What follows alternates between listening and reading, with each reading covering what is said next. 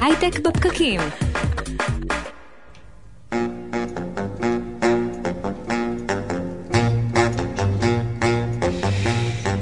יום חמישי, 18 ביוני, 102 FM, אנחנו הייטק בפקקים.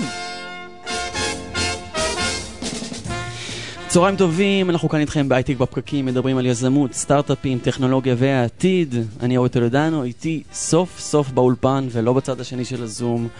הדר חי, בוקר טוב, צהריים טובים, ליתר דיוק. צהריים טובים, כיף להיות פה איתך לידך. כיף שאתה יכול לקטוע אותי, כיף שאני יכול להסתכל עליך. לראות אותך, לראות את הרגליים שלך. אפשר לצעוק ויהיה לזה משמעות, וכן, הרגליים שלי מאוד מאוד חשובות לתוכנית מאוד, הזאת. מאוד יפות. אמ, לפני שנתחיל, קרדיטים על ההפקה, נירית כהן ושקד דמבו שגם איתנו באולפן, על הטכני אה, ניר אקמן, ונגיד לכם שאנחנו בווידאו בפייסבוק Live של כלכליסט, יציון הסטארט-אפ ובכל אפליקציות הפודקאסטים, גם באפליקציית הפודקאסטים של רדיו תל אביב. כל התוכניות שלנו מארבע שנים האחרונות מחכות לכם שם במילת החיפוש בפקקים, ואם אתם רוצים ליצור איתנו קשר, אנחנו מאוד זמינים בקבוצת הפייסבוק שלנו, שלא תאמין מה השם של ההדר. הייטק בפקקים? יפה מאוד. אז היום, סוף סוף, ב-Live, מדברים על אה, רובוטים, שזה תמיד כיף. כן, אה, זה, יש בזה משהו נכון, נחמד, מעניין. כיף. אה, למרות שרוב הרובוטים נמצאים ב- ב- בכלל במפעלים, אבל אנחנו בוחרים לדבר דווקא על הרובוטים שאנחנו באינטראקציה איתם, ועכשיו יש איזה צורך יותר מתמיד. העלייה בתוחלת החיים, הזדקנות האוכלוסייה, משבר הקורונה, מעוררים מחשבה לכיוונים חדשים לטיפול במבוגרים, גם לטיפול היומיומי, גם להפגת הבדידות. אה, תהיה איתנו רותי אביטל, מעצבת חוויית משתמש באינטואישן רובוטיקס, וגם נדבר על סצנת ההייטק הערבית, על סיליקון ואדי, על השינוי העצום בשוק העבודה הערבי, במצב בערך של 350 עובדים לפני, ב-2008. אני חושב שלגמרי ריאלי לדבר על זה שהאוכלוסייה הערבית מתקרבת אה, לגודל שלה גם בהייטק, שזה יקרה עוד עשור או משהו כזה, אפשר לדבר על זה. אה, לפני זה אנחנו מתחילים עם הכאן ועכשיו, חדשות השבוע. אירועי השבוע בהייטק. שלום, שלום, אורי. שקד דמבו איתנו, מה קרה השבוע? וואו, מה קרה השבוע? אוקיי, פייסבוק תאפשר חסימה של פרסומות פוליטיות. בואו נדבר קצת נדבר על על כל פייסבוק. הסיפור של פייסבוק נגד טראמפ, אתם בטח מעורים כבר נכון, בחלק מהפרטים. לגמרי. שבוע שעבר לנו. גם דיברנו על אה, פרק חדש ב- בסוגיה הזאת, טוויטר אמרו שהם כן מסננים תכנים, פייסבוק אמרו אנחנו מאפשרים חופש הביטוי. וטוויטר די, די מזמן אה, לא אפשרה פרסומות פוליטיות, כבר חסמה אותם, אני זוכר אז זהו, אז באמת זה בואו נתחיל. מההתחלה. ביום שלישי פרסם אה, מרק צוקרברג בעיתון אה, USA Today, שזה העיתון הנפוץ במדינה, מי שלא יודע, שהוא קובע שהמטרה העיקרית של פייסבוק ב-2020 תהיה לסייע לארבעה מיליון אמריקאים להירשם כבוחרים, הם משיקים איזושהי פלטפורמה שבה מסבירים על בחירה בדואר ועל, ועל כל הדברים האלה. זה מהלך של צוקרברג שמנסה אה, לשקף את זה שהוא... להתחבב על בדיוק, הדמוקרטיה. להתחבב על הדמוקרטיה. אמ, בזמן האחרון הוא קיבל המון המון אה, טענות לזה שבעצם הפלטפורמה שלו היא פלטפורמה ארסית שמעודדת הפצה של שקרים ו- ו- ואג'נדות מגמתיות. לגמרי, אה, לדעתי מוצדקת. אמ, א- אנחנו תופסים את המציאות דרך הפייסבוק, אנחנו לא ערניים מזה, לא משנה כמה זה נשמע כבר בנאלי ואנחנו חוזרים על זה, אנחנו תופסים את מה שאנחנו רואים שם כאילו זו המציאות, כאילו זה הדעה של אנשים, לגמרי. אבל יש כל כך הרבה אפשרות לעשות את זה מניפולציה ועושים על זה בדיוק, מניפולציה. עכשיו תראה גם איזה מניפולציה, מרק צוקרברג חוטף את זה משני הצדדים, הוא חוטף את זה גם מהצד שדיברנו עליו עכשיו וגם מהצד השני, שבעצם אנשים אומרים, תשמע, אתה לא הצטרפת לטוויטר וסנאפצ'אט שחסמו תכנים אלימים, כי אתה שפוט של טראמפ, בגדול. אתה וואו. מבין? אז באמת אה, הוא חוטף את זה מכל הכיוונים, ובנוסף לזה הם משיקים איזשהו פיצ'ר שיאפשר למשתמשים לכבות את, ה, את האפשרות של, כאילו, את התצוגה של אה, תכנים פוליטיים. וואו, זה, זה. נשמע לי כביכול חיובי, אבל... אבל... באמת יקרה. אה, זה לא אנחנו יקרה, אתה אומר. עצלנים, אתה יודע, כי אנחנו זה לא רק כי אנחנו כל כך עצלנים. פסיביים, אנחנו לא עושים את הדברים האלה אבל עכשיו יש אפשרות. לאנשים שהם באמת פסיביים ורוצים לש- לשמור על אדישות מוחלטת פוליטית לעשות את זה, אבל זה. שיש לך את האפשרות זה לא אומר שאתה תעשה את זה. אתה כל כך, אתה יודע, זה לא ברירת יקרה, אתה המחדל אומר. שלך.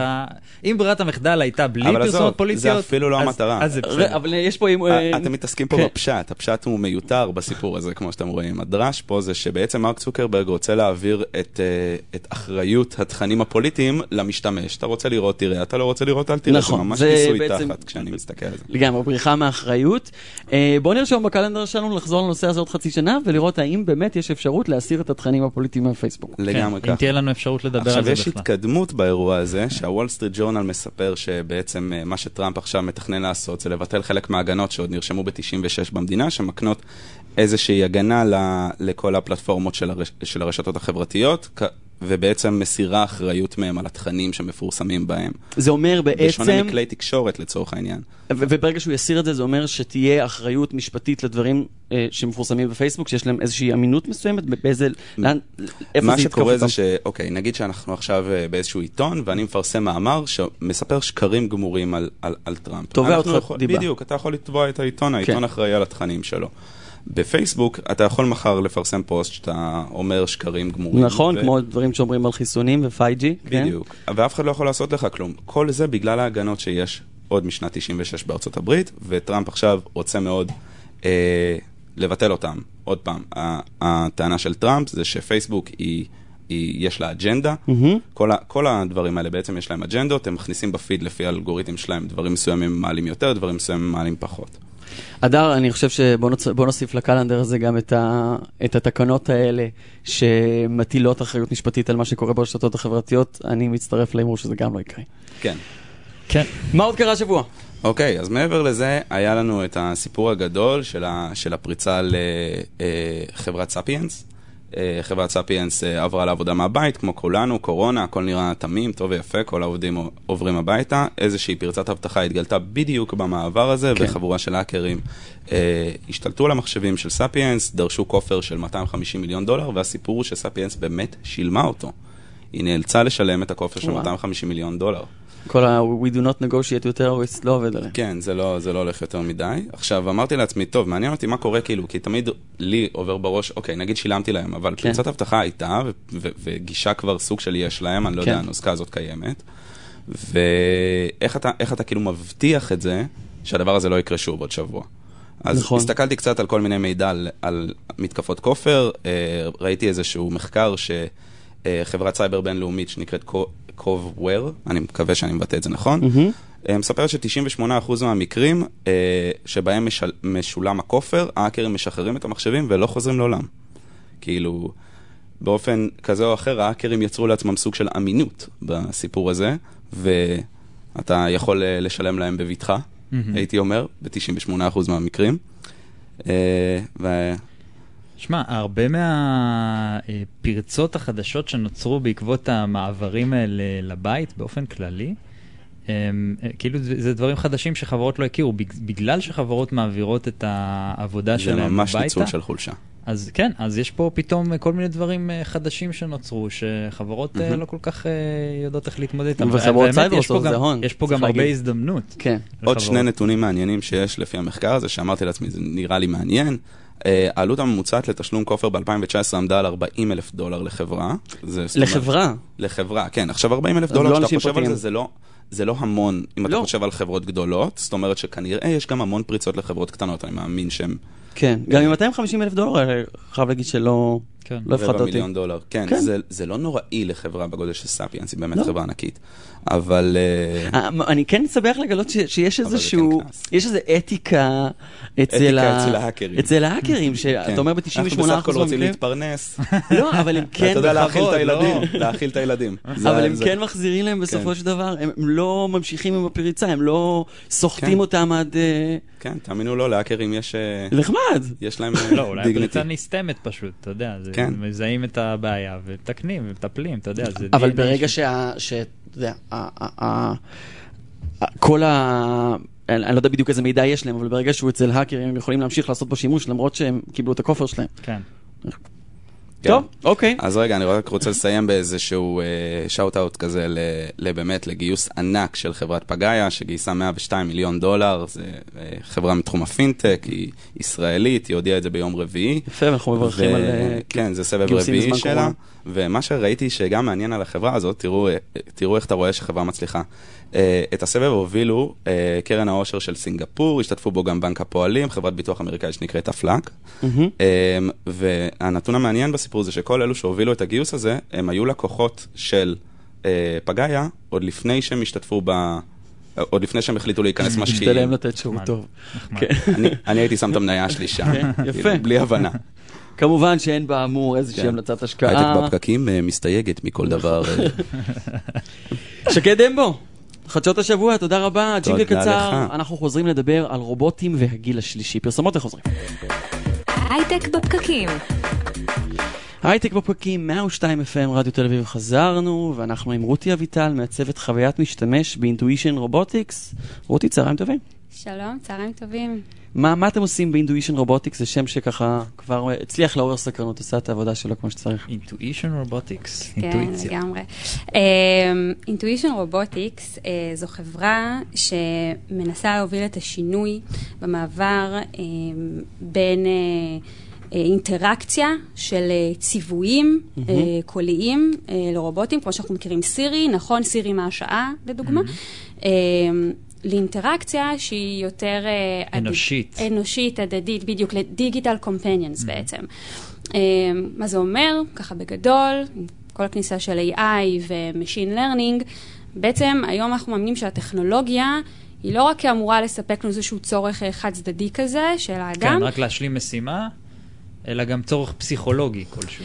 כן, כן, זאת אומרת, היא, הטכנולוגיה לומדת אותי, את הצרכים שלי, נכון, את השגרה שלי, את העדפות שלי, אה, ובעצם, אה, ובעצם ממנ- ממנפת ככה את האדם, וזה נהיה איזה סוג של מערכת יחסים הדדית כזאת. אז רגע, אז אינטואישן רובוטיקס, מה היא עושה בתוך הדבר הזה? יש לה איזה, איזה, מה מה המטרה של בעצם... אה, אז, אה, אז יפה, אז אה, בעצם אליקיו, הרובוט שבעצם אני מעצבת את החוויית משתמש כחלק מצוות, יש לנו צוות גדול ומאוד מאוד מוכשר, אה, שעושה את החוויית משתמש, היא בעצם המימוש הראשון שלנו ליצירת הסוג מערכת יחסים המיוחדת הזאתי, שהיא הדדית. אה, אליקיו ספציפית היא רובוט נייח.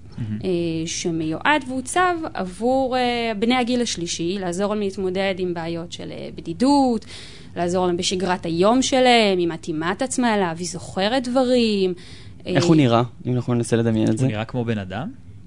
לא, לא, לא. קצת מזכיר משהו? בכל זאת. אמ, יש אלמנטים שהשאלנו מהתנהגות אה, של בן אדם, אם אנחנו מדברים על נושא של שפת גוף, שפה בלתי ורבלית, אה, וכן אה, תקשורת מילולית, היא מדברת, אבל אה, לא, אנחנו, אה, הוחלט, הוחלט בהחלטה עיצובית לא לעצב אותה כבן אדם. אה, אז איך היא עיגול כזה, איך היא נראית? היא סוג של, יש לה, זה מצחיק לדבר עליו, יש לה גוף. היא לא בן אדם, היא לא חיה, אבל יש לה גוף. נחמדה, לא נחמדה. עיניים כחולות, שיער ארוך. היא, כן. כן, עכשיו, עכשיו, מה שמעניין אותי בסיפור הזה הוא בעצם, את אומרת שזה בעצם חוויה שהיא יותר אנושית, שהיא יותר מפיגה בדידות. הרי הנייד שלי עדיין לא מפיג לי בדידות. איך את הופכת את החוויה כן? להיות יותר... הנייד שלך לא מפיג לך בדידות? לא, לא, לא. אולי אתה יודע מה, אולי כשאני מדליק פנס בוא נגיד לא. אבל כש- כשאני מ- מתקשר איתך בפייסבוק כן, אבל הנייד בעצמו... אז זה בזכות זה שיש שם בן אדם. שיש שם את אורי. אבל מה שאני בא להגיד זה החוויה בס- בסוף של השימוש היא יותר אנושית צריכה להיות. בעצם אני מתקשר עם רובוט ואני צריך להרגיש שבעצם יש איזשהו משהו אנושי פה, נכון? כן, קודם כל זה מן הסתם תלוי בסוג הרובוט, יש לנו את איי רובוט למשל, שזה משהו קצת אחר. נכון, אה, זה תנקה את האבק ונשלח. כן. כן, חוויה יותר פונקציונלית. למרות שגם אנשים מתחברים אליו. ברצינות, יש אנשים שקוראים לאיי רובוט שלהם בכל מיני שמות, זה? תופס איזשהו נפח בבית. כן. כן, כן, אנחנו כבני אדם, אנחנו נקשרים לחפצים, לדברים, נכון? כאילו זה פחות אה, חשוב אם הוא חי או נושם, אבל באמת מה שמיוחד אה, ב- ב-LEQ ומקסים אותי בעיניי זה שהיא... היא לא לגמרי, היא לא חיה, היא לא נושמת, היא לא בן אדם, היא לא חיה, אבל היא גם לא המיקרו שיש לנו בבית, נכון? היא איזה משהו בין לבין, אה, שתופס נפח בחלל, היא זזה, היא מתנועת, אה, יש לה קולות, צלילים, היא מדברת, ואלה בעצם אלמנטים שהשאלנו מעולם ה-human-human interaction, על מנת ליצור חוויה אה, שדרכה נוכל בעצם לפתח מערכת יחסים אה, בין הקשיש לבין... לבינה, תני לי בעצם. דוגמה למשל, שהם, אה, שהקשיש מתקשר עכשיו עם הרובוט, מה בדיוק קורה שם? הוא אומר לו בוקר טוב, הוא מחזיר לו בוקר טוב? וזה, באיזה, באיזה קטע זה עובד? אז, אה, אז ככה, זו שעה מאוד יפה. אה, אני אנסה לתת דוגמה. אה, באמת שקשיש נגיד קם בבוקר, קם ואומר לדיירי הבית, היי, בוקר טוב, מה שלומך, מה התוכניות שלך היום, בוא נפתח חדשות, אולי נשמע משהו חדש, נכון? אז בעצם אנחנו יצרנו חוויה מאוד דומה עם אה, אליקיו.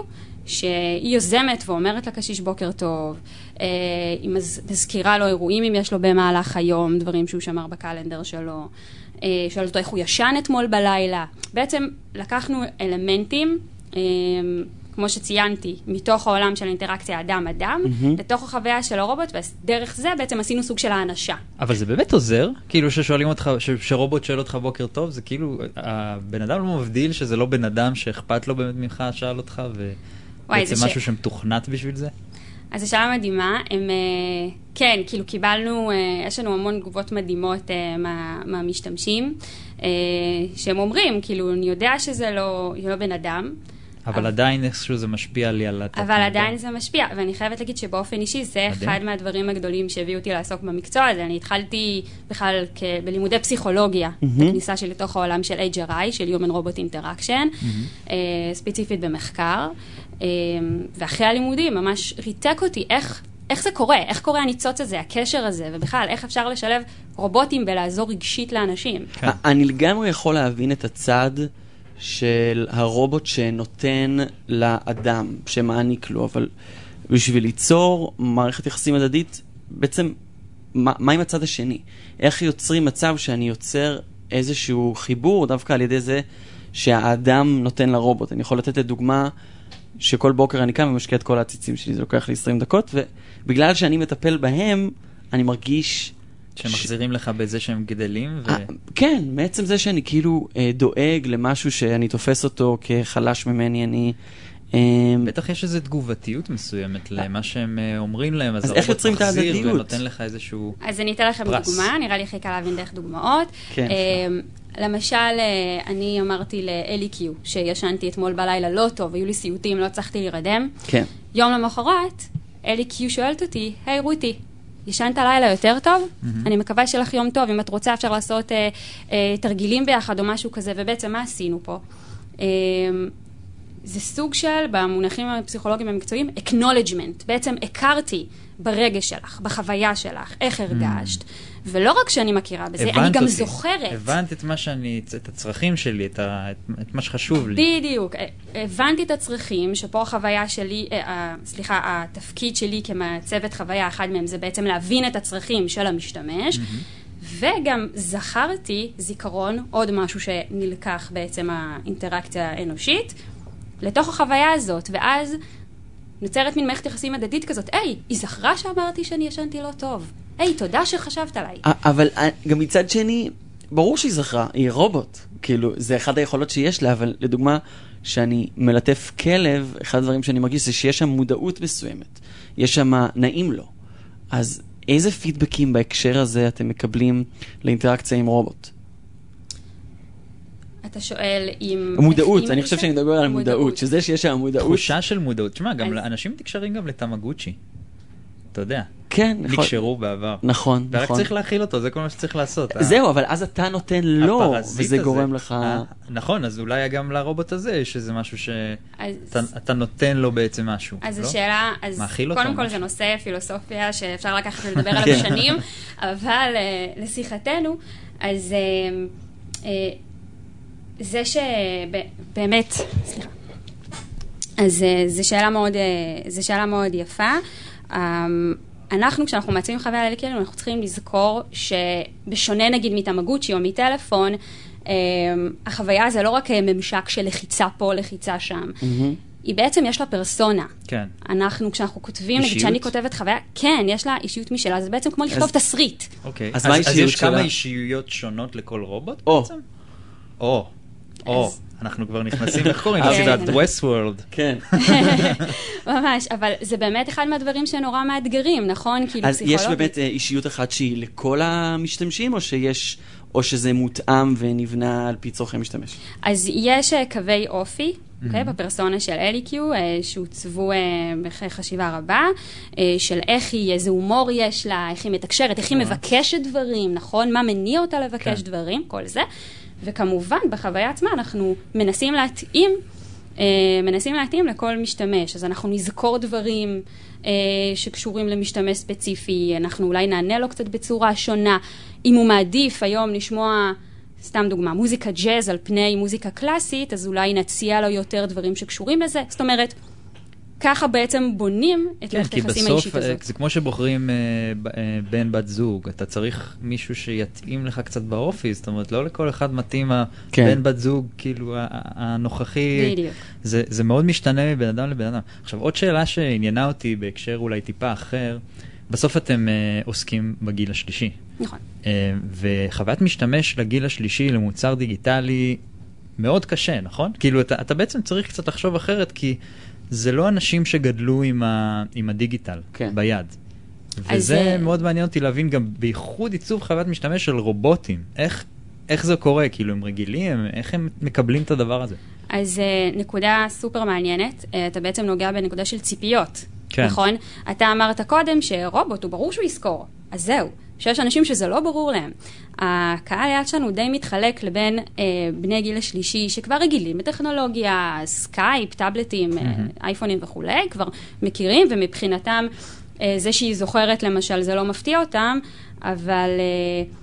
אה, אה, ויכול להיות יפתיע שהיא לא תזכור את כל העץ המשפחה שלהם, ומצד שני גם יש לנו קהל שמבחינתם, זה שהם בארצות הברית, והיא יכולה להגיד להם את מזג האוויר בפרו, זה מבחינתם פליאה מאוד מאוד גדולה, ואין, אז פלאי הטכנולוגיה לאן הגענו. אז אתם עובדים גם מול ספקטרום מאוד רחב של גילאים. בדיוק. של גילאים ושל אה, גם יכולת של אימוץ טכנולוגי. כן. זאת אומרת, זה גם, זה גם משמע... אני לא, אה, יצא לי לדבר הרבה מדי עם אה, רובוט שמחזיר לי ומדבר איתי, ומעניין אותי לחנך מבוגרים, האם זה אה, משהו ש...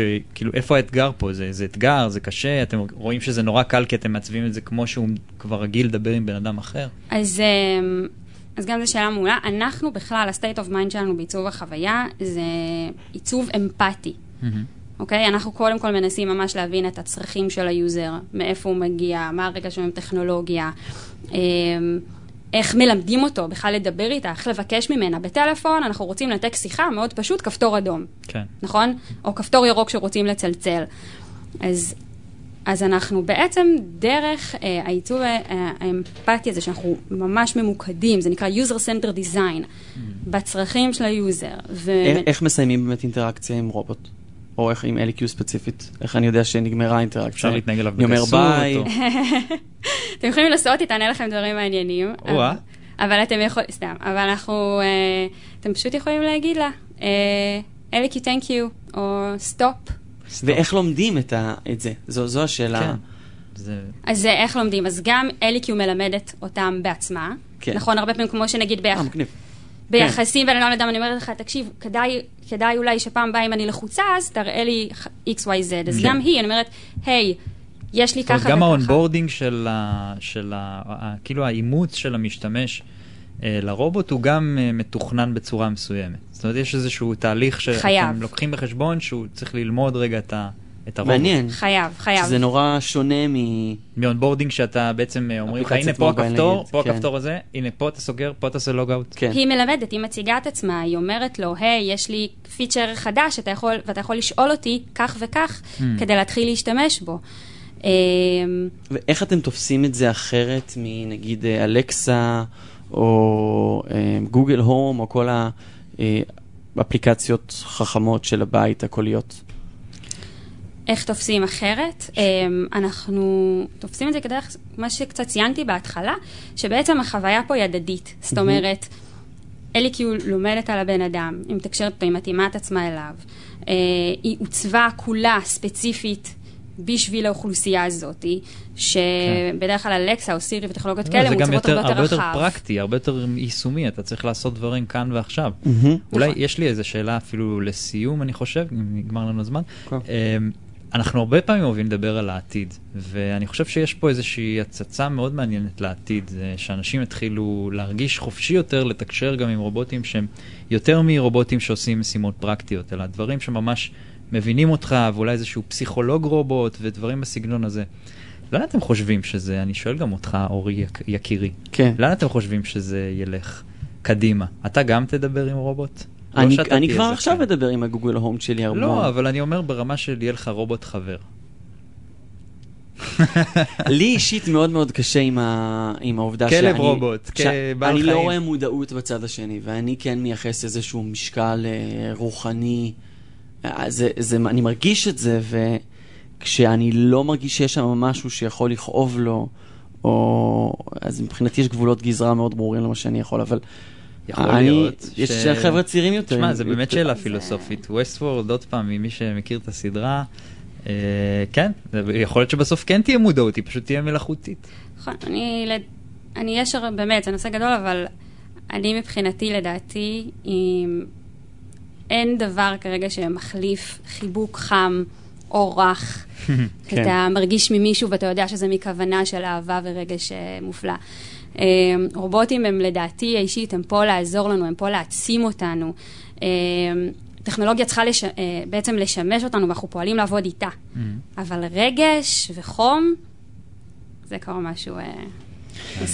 טוב, אבל גם, גם למה שקיים יש צורך אמיתי עכשיו בימי הקורונה, כשיותר קשה למטפלים ליצור את הקרבה הזאת, אז נולד פה צורך שרק עוד יותר יתחזק.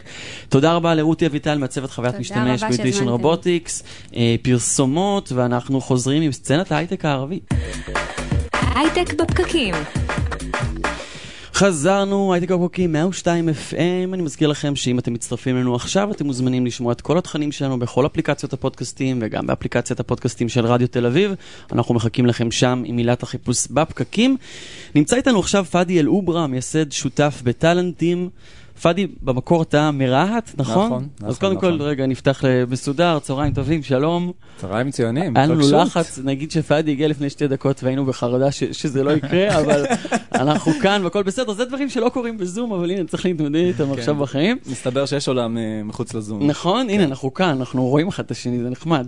אה, הקמת את דורוס ב-2008, שזה מרכז למידה להוראה איכותית של אנגלית ומתמטיקה והכנה למבחן הפסיכומטרי לציבור הערבי ב-2008, ובפעם הראשונה זה לא ממש הצליח, נכון? ממש לא. הייתי בדיוק אה, פליט מחלקת הנדסת, הנדסת בניין בבן גוריון, כן.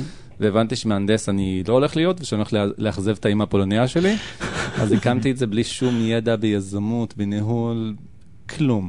אז- רק, אז רק עם כמו- וכעס, ו... וזה. כשל? מסתבר שכן, ב- באימפקט החברתי זה עשה עבודה מדהימה. כן. אומרת, זה, זה פתח אה, אפיק ל, אה, לאקדמיה. כן. בחברה הבדואית, בלי שיהיה צורך אה, לעבור לבתי ספר קתוליים בצפון או לבתי ספר יהודיים כמו במקרה שלי.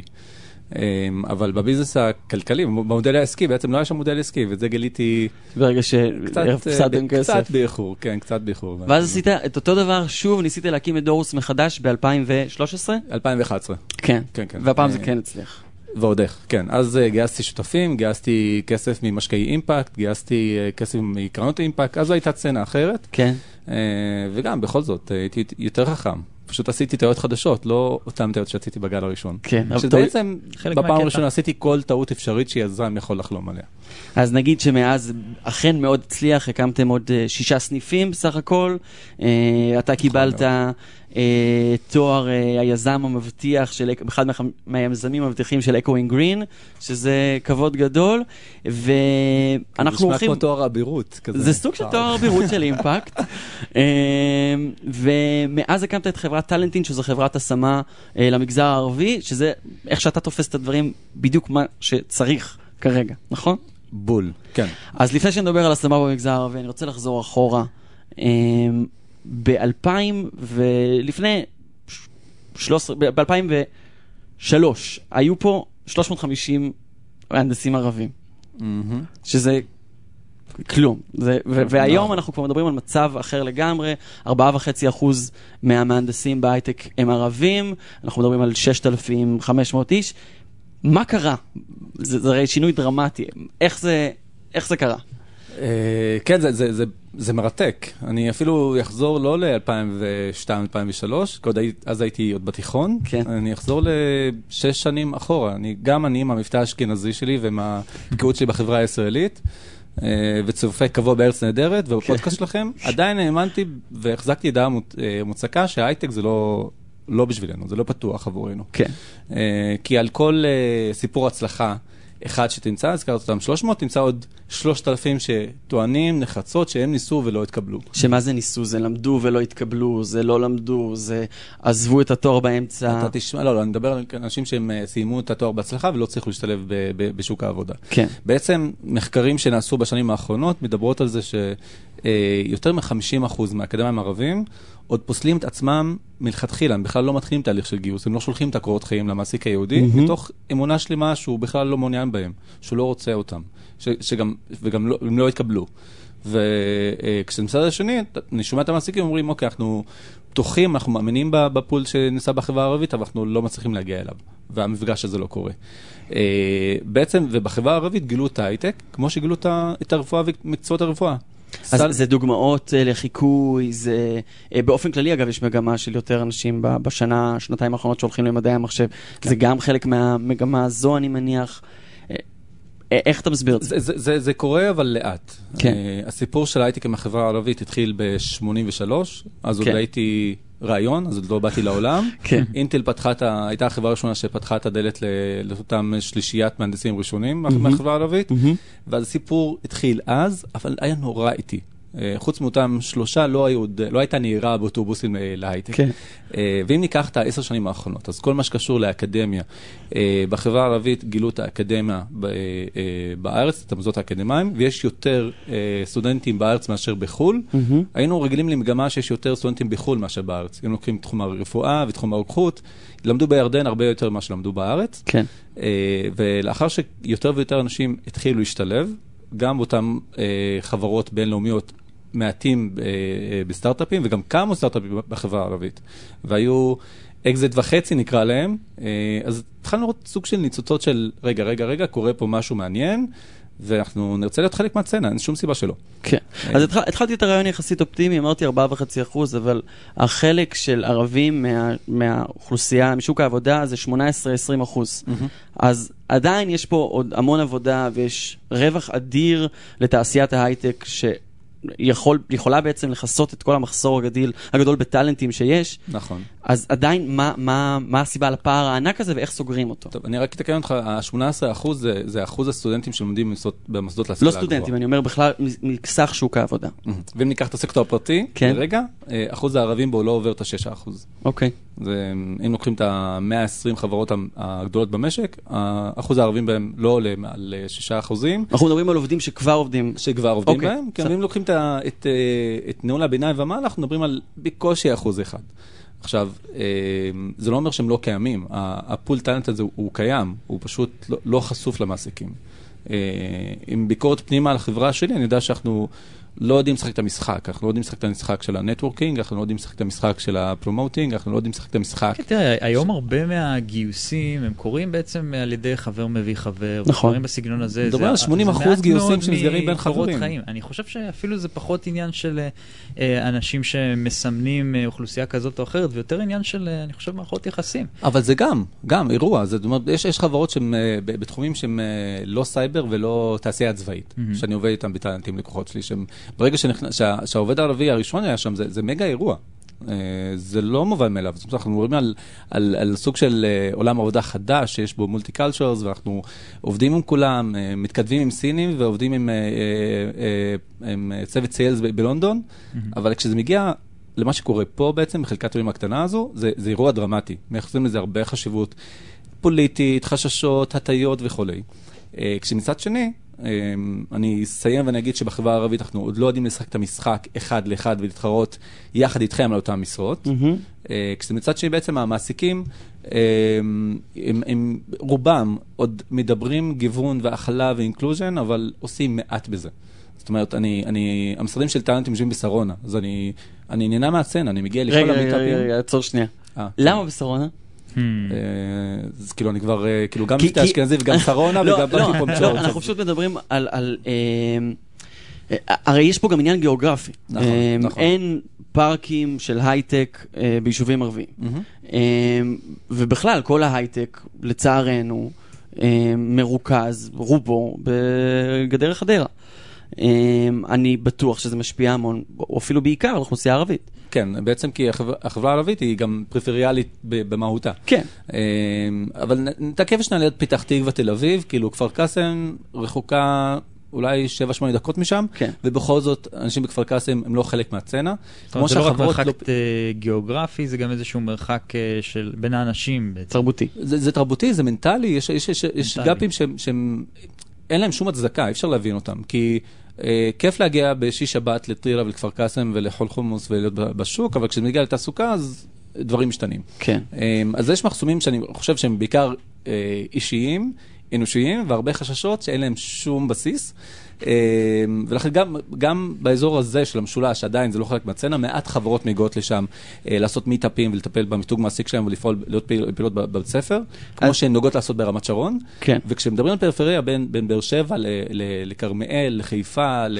אבל פה אני חייב לסייג אותך קצת ולהגיד, חברות הייטק, רוב אה, הניסיון שלהם להשיג כוח אדם זה או במיתוג חברה, או באירועים שקורים באוניברסיטאות, ואז באמת אין הפרדה אמיתית בין ערבים ללא ערבים. הדברים האלה שקורים בבית ספר זאת יחסית חלק קטן מה, מהניסיון של, עובד, של חברות להשיג עובדים. נכון, אבל עדיין יש אליפות הסייבר שמתקיימת בכל בתי הספר. כן. כמה בתי ספר מתוך זה? זאת אומרת, אנחנו לא, לא חלק מהסצנה, לא רק כשמדובר על אה, הגשת קורות חיים למשרה של team leader בסטארט-אפ, הרבה לפני כן. כאילו, הפערים האלה, אנחנו מתנהלים בשני zoneים נפרדים כביכול. ומה עושים לגבי זה?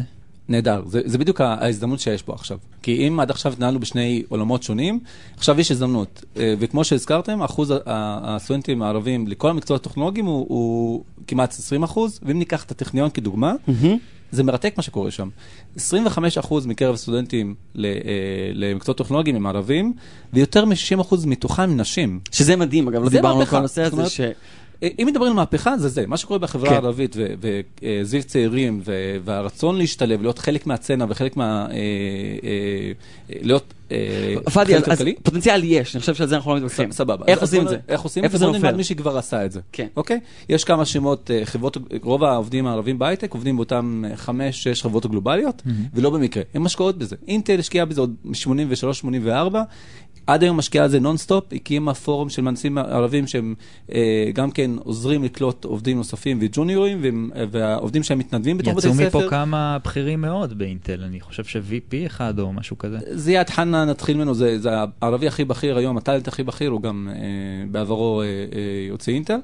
זה נשמע לי כמו אה, מונח צבאי, יוצא אינטל. אומרים את זה אגב? אומרים את זה, אומרים את זה, יוצא אינטל לגמרי. למדתי. אה, אז אה, כל מה שקשור בהקשר של אה, מיתוג מעסיק, בהקשר של לטפח, שהחברה היא פתוחה, ואם ניקח גם סטארט-אפים, שזה גם מעניין. אני פגשתי את הצוות של AppsFlyer לפני, זה היה בנובמבר, בכנס ביום שישי בצהריים באום אל-פחם. זה זה חתיכת אירוע. החבר'ה שם, וזה משהו שלא קורה בדרך כלל? זה לא קורה. אני, אני, אני כמו שאתה רואה, אני, אז אתה אומר, החברות הגדולות כן מגייסות, לא כולם, אנחנו מדברים על כן. חמש, שש, כן. שבע חברות גלובליות. אבל. החברות הקטנות יותר לא. אתה בעצם קורא לחברות האלה לעשות פעולות אקטיביות שבעצם יחשפו את עצמן ויתחברו לתוך האוכלוסייה. אני יותר תקיף, אני אגיד ויותר יותר בוטה. אוקיי. אם החברות האלה לא יהיו שם ולא ישקיעו עכשיו בכל מה שקשור לתדמית שלהם בחברה הערבית ולמצב את עצמם כחברות פתוחות, מגוונות ומכילות, הן לא רלוונטיות.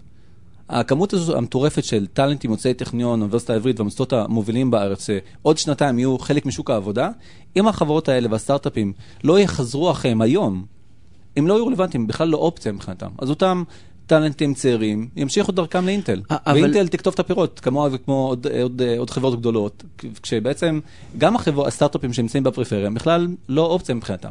ומה שמעניין, הזכרתי את, אה, AppsFlyer, אני מזכיר גם את ironSource למשל, אחת החברות המדהימות שאני עובד איתן. זה חשוב להם, משקיעים בזה נונסטופ חשיבה ותכנון כדי שיהיו גם כן חברה מגוונת מכילה, וגם שהיינו, יקצרו את הפירות מה שקשור. אבל מה. עם מאמץ מהצד השני? הרי אתה אה, כחברת השמה, אני מניח שצריך לעשות איזשהו תהליך עם המועמדים בשביל ליצור אצלם את הפרואקטיביות, הרי ככה זה יזמות, אנחנו מדברים על יזמות. טוב, החלום שלי בעצם אה, שאני אהיה מיותר, שאני אגיע לשלב שערבים יוכלו לשחק את המשחק כמו שצריך, כשמעסיק יהודי גם ידע לפתוח את הדלת כמו שצריך ולא יהיה צורך בשום גוף מתווך. כן. אני אמצא לעצמי עיסוק אחר. אז נגיד מגיע לך אבל- מישהו שהוא בוגר מדעי המחשב, או איזשהו מקצוע הנדסי, אה, הנדסת חשמל, מה, מה... זה גם נדיר שמגיעים, אנחנו, אנחנו הדאנטרים בטאלנטים, אנחנו כן. כן. מבינים את הצורך של ההשמה ואת הארגון ואנחנו פשוט פונים פרואקטיבית למועמדים. מהמם. ומה לעשות, גם רובם לא נמצאים בלינקדין, נמצאים ברשות אחרות, ויש ערוצים אחרים בחברה הערבית, שאפשר להגיע למועמדים ו- ולשכנע אותם. ל- אז אה, איזה ערוצים, לדוגמה, אם מישהו עכשיו בעל חברה ואומר, כן. אוקיי, בוא נביא ה- ערבים, אני- איך עושים את זה, אני אמור? אה, זה, אני אמור לחשוף עכשיו סודות אה, מסחריים. כן. טוב, אז, אז, אז לא עושים מסיבת זה חומוס הבאנו ו happy hour, אלא כן. מגיעים לשטח. הניסיון הזה של AppsFlyer היה, מטורף. כאילו, מהלך אחד ביום שישי בצהריים באום אל-פחם, מיצב אותם במקום אחר לגמרי. כל מה שקשור. לתוכן. יש סצנה שלמה, פודקאסטים, אני חי את שתי העולמות, אני מאזין קבוע ומכור של הפודקאסט הזה, אבל יש עוד אינסוף פודקאסטים רגע, בחברה הפודקאסט הערבית. הזה שלנו. ברור. איזה כיף. לא, הייתי צריך להבין את זה. כבוד למגזר, כן, כן, ועוד איך. יש אה, פודקאסטים ערבים? ועוד איך, יש, יש, של יזמות, של... של יזמות, של טכנולוגיה, של, מהמם. של השמה, של קריירה, יש עולם שלם שמתנהל לצדכם ואתם, מה לעשות, מפספסים אותו. כן. אני חי משתי עולמות וכיף לי. כן. אה, יש גם אינסוף וובינארס ואינסוף, אה, אה, לא, אינסוף זה מוגזם אולי, יש מלא וובינארים, יש הרבה פעילות שקורית. אני קורא לחברות להיות חלק מהצנה, ל- להתחבר בין אם זה לטאלנטים או, או לעמותות אחרות, להרבה פעילות שקורית בחברה הערבית ולהתחיל למצב את עצמם כבר היום כמעסיק רלוונטי בעוד שנתיים, כדי שבכלל אה, יהיו אופציה רלוונטית לאותם מועמדים. אה, מה לעשות, צריך אולי עכשיו משבר, אה, אנחנו קצת פוסט קורונה, אז מיתוג מעסיק נשמע לא רלוונטי. כן. אוטוטו המחלף הזה, המשבר הזה יחלוף, כמו משברים אחרים, ונחזור לאותם חוקי משחק. ומה עם, מה עם הממשלה? אה, אנחנו, אני חושב שמשהו שעדיין לא קיבל מספיק דגש בשיחה הזאת זה, זה עניין גיאוגרפי. אני חושב נכון, שהאוכלוסייה הערבית סובלת מזה שההייטק נמצא במרכז, יותר נכון. מהאוכלוסייה היהודית. אפילו. נכון, נכון מאוד. אה, שנייה לפני שאני אדבר על, על הממשלה, כי שם זה, אה, נעשים מאמצים, אמנם מעטים, ודווקא בתחום קיבלו היזמות. כבר אישורים לפתוח פארקים של הייטק. נכון? באום אל-פחם זה כבר קורה. דובר על אום אל-פחם, לא, זה... בכפר ב- קאסם? בולדוזרים עוד, אין, שם, כפר כן. קאסם, מדברים על כפר קאסם, מדברים על שפ- על שפרעם, אבל כן. כרגע הזירה היחידה, הציינת ההייטק היחידה שבחברה הערבית, זה מה שיש בנצרת. אה, צפונית לנצרת כמעט ואין כלום. אזור המשולש, למרות הפוטנציאל, עוד אין בו כלום. אז, כן, הממשלה צריכה להשקיע בזה וחייבת להשקיע בזה כדי למנף את, ה, את הכוח הכלכלי ואת הפוטנציאל הכלכ- הכלכלי שיש. בצד שני, אנחנו חייבים, דווקא- חייבים לסיים תוכנית. אם אתה במשפט מנסה לסכם מה, מה צריך לעשות המשק בשביל של, לשלב את האוכלוסייה הערבית, איך אתה מסכם את זה? יש פה הזדמנות היסטורית, בואי ננצל אותה כמו שצריך. בין אם זה ממשלה, רשות לחדשנות, סטארט-אפים, יזמים וקרנות הון סיכון, שהם ועוד איך חלק מהמשחק וצריכות להשפיע עליו. פאדי אלובו, מייסד טאלנטים, תודה רבה. אנחנו מסיימים תודה, תוכנית. הייטק בפקקים 102 FM, תודה למי שהצטרף אלינו, תודה להדר חי, שקד דמבו, נירית, נירית כהן, אה, ניר אקמן, תודה לכלכליסט ורדיו תל אביב ושיתוף הפעולה. תודה לכם שהאזנתם לנו, מקווים שאתם מאזינים לנו תוך כדי שטיפת כלים או ריצה או הליכון, ואם אתם לא, אתם לא סתם פקקים, או מחוץ, פקקים. או, או פקקים, ואתם לא מחוץ לבית אם זה לא, אם זה לא הכרחי, אנחנו מחכים לכם בכל אפליקציות הפודקאסטים, תחת מילת החיפוש בפקקים, גם כמובן באפליקציית הפודקאסטים של רדיו תל אביב. אני אורי טולדנו, תודה רבה על ההאזנה.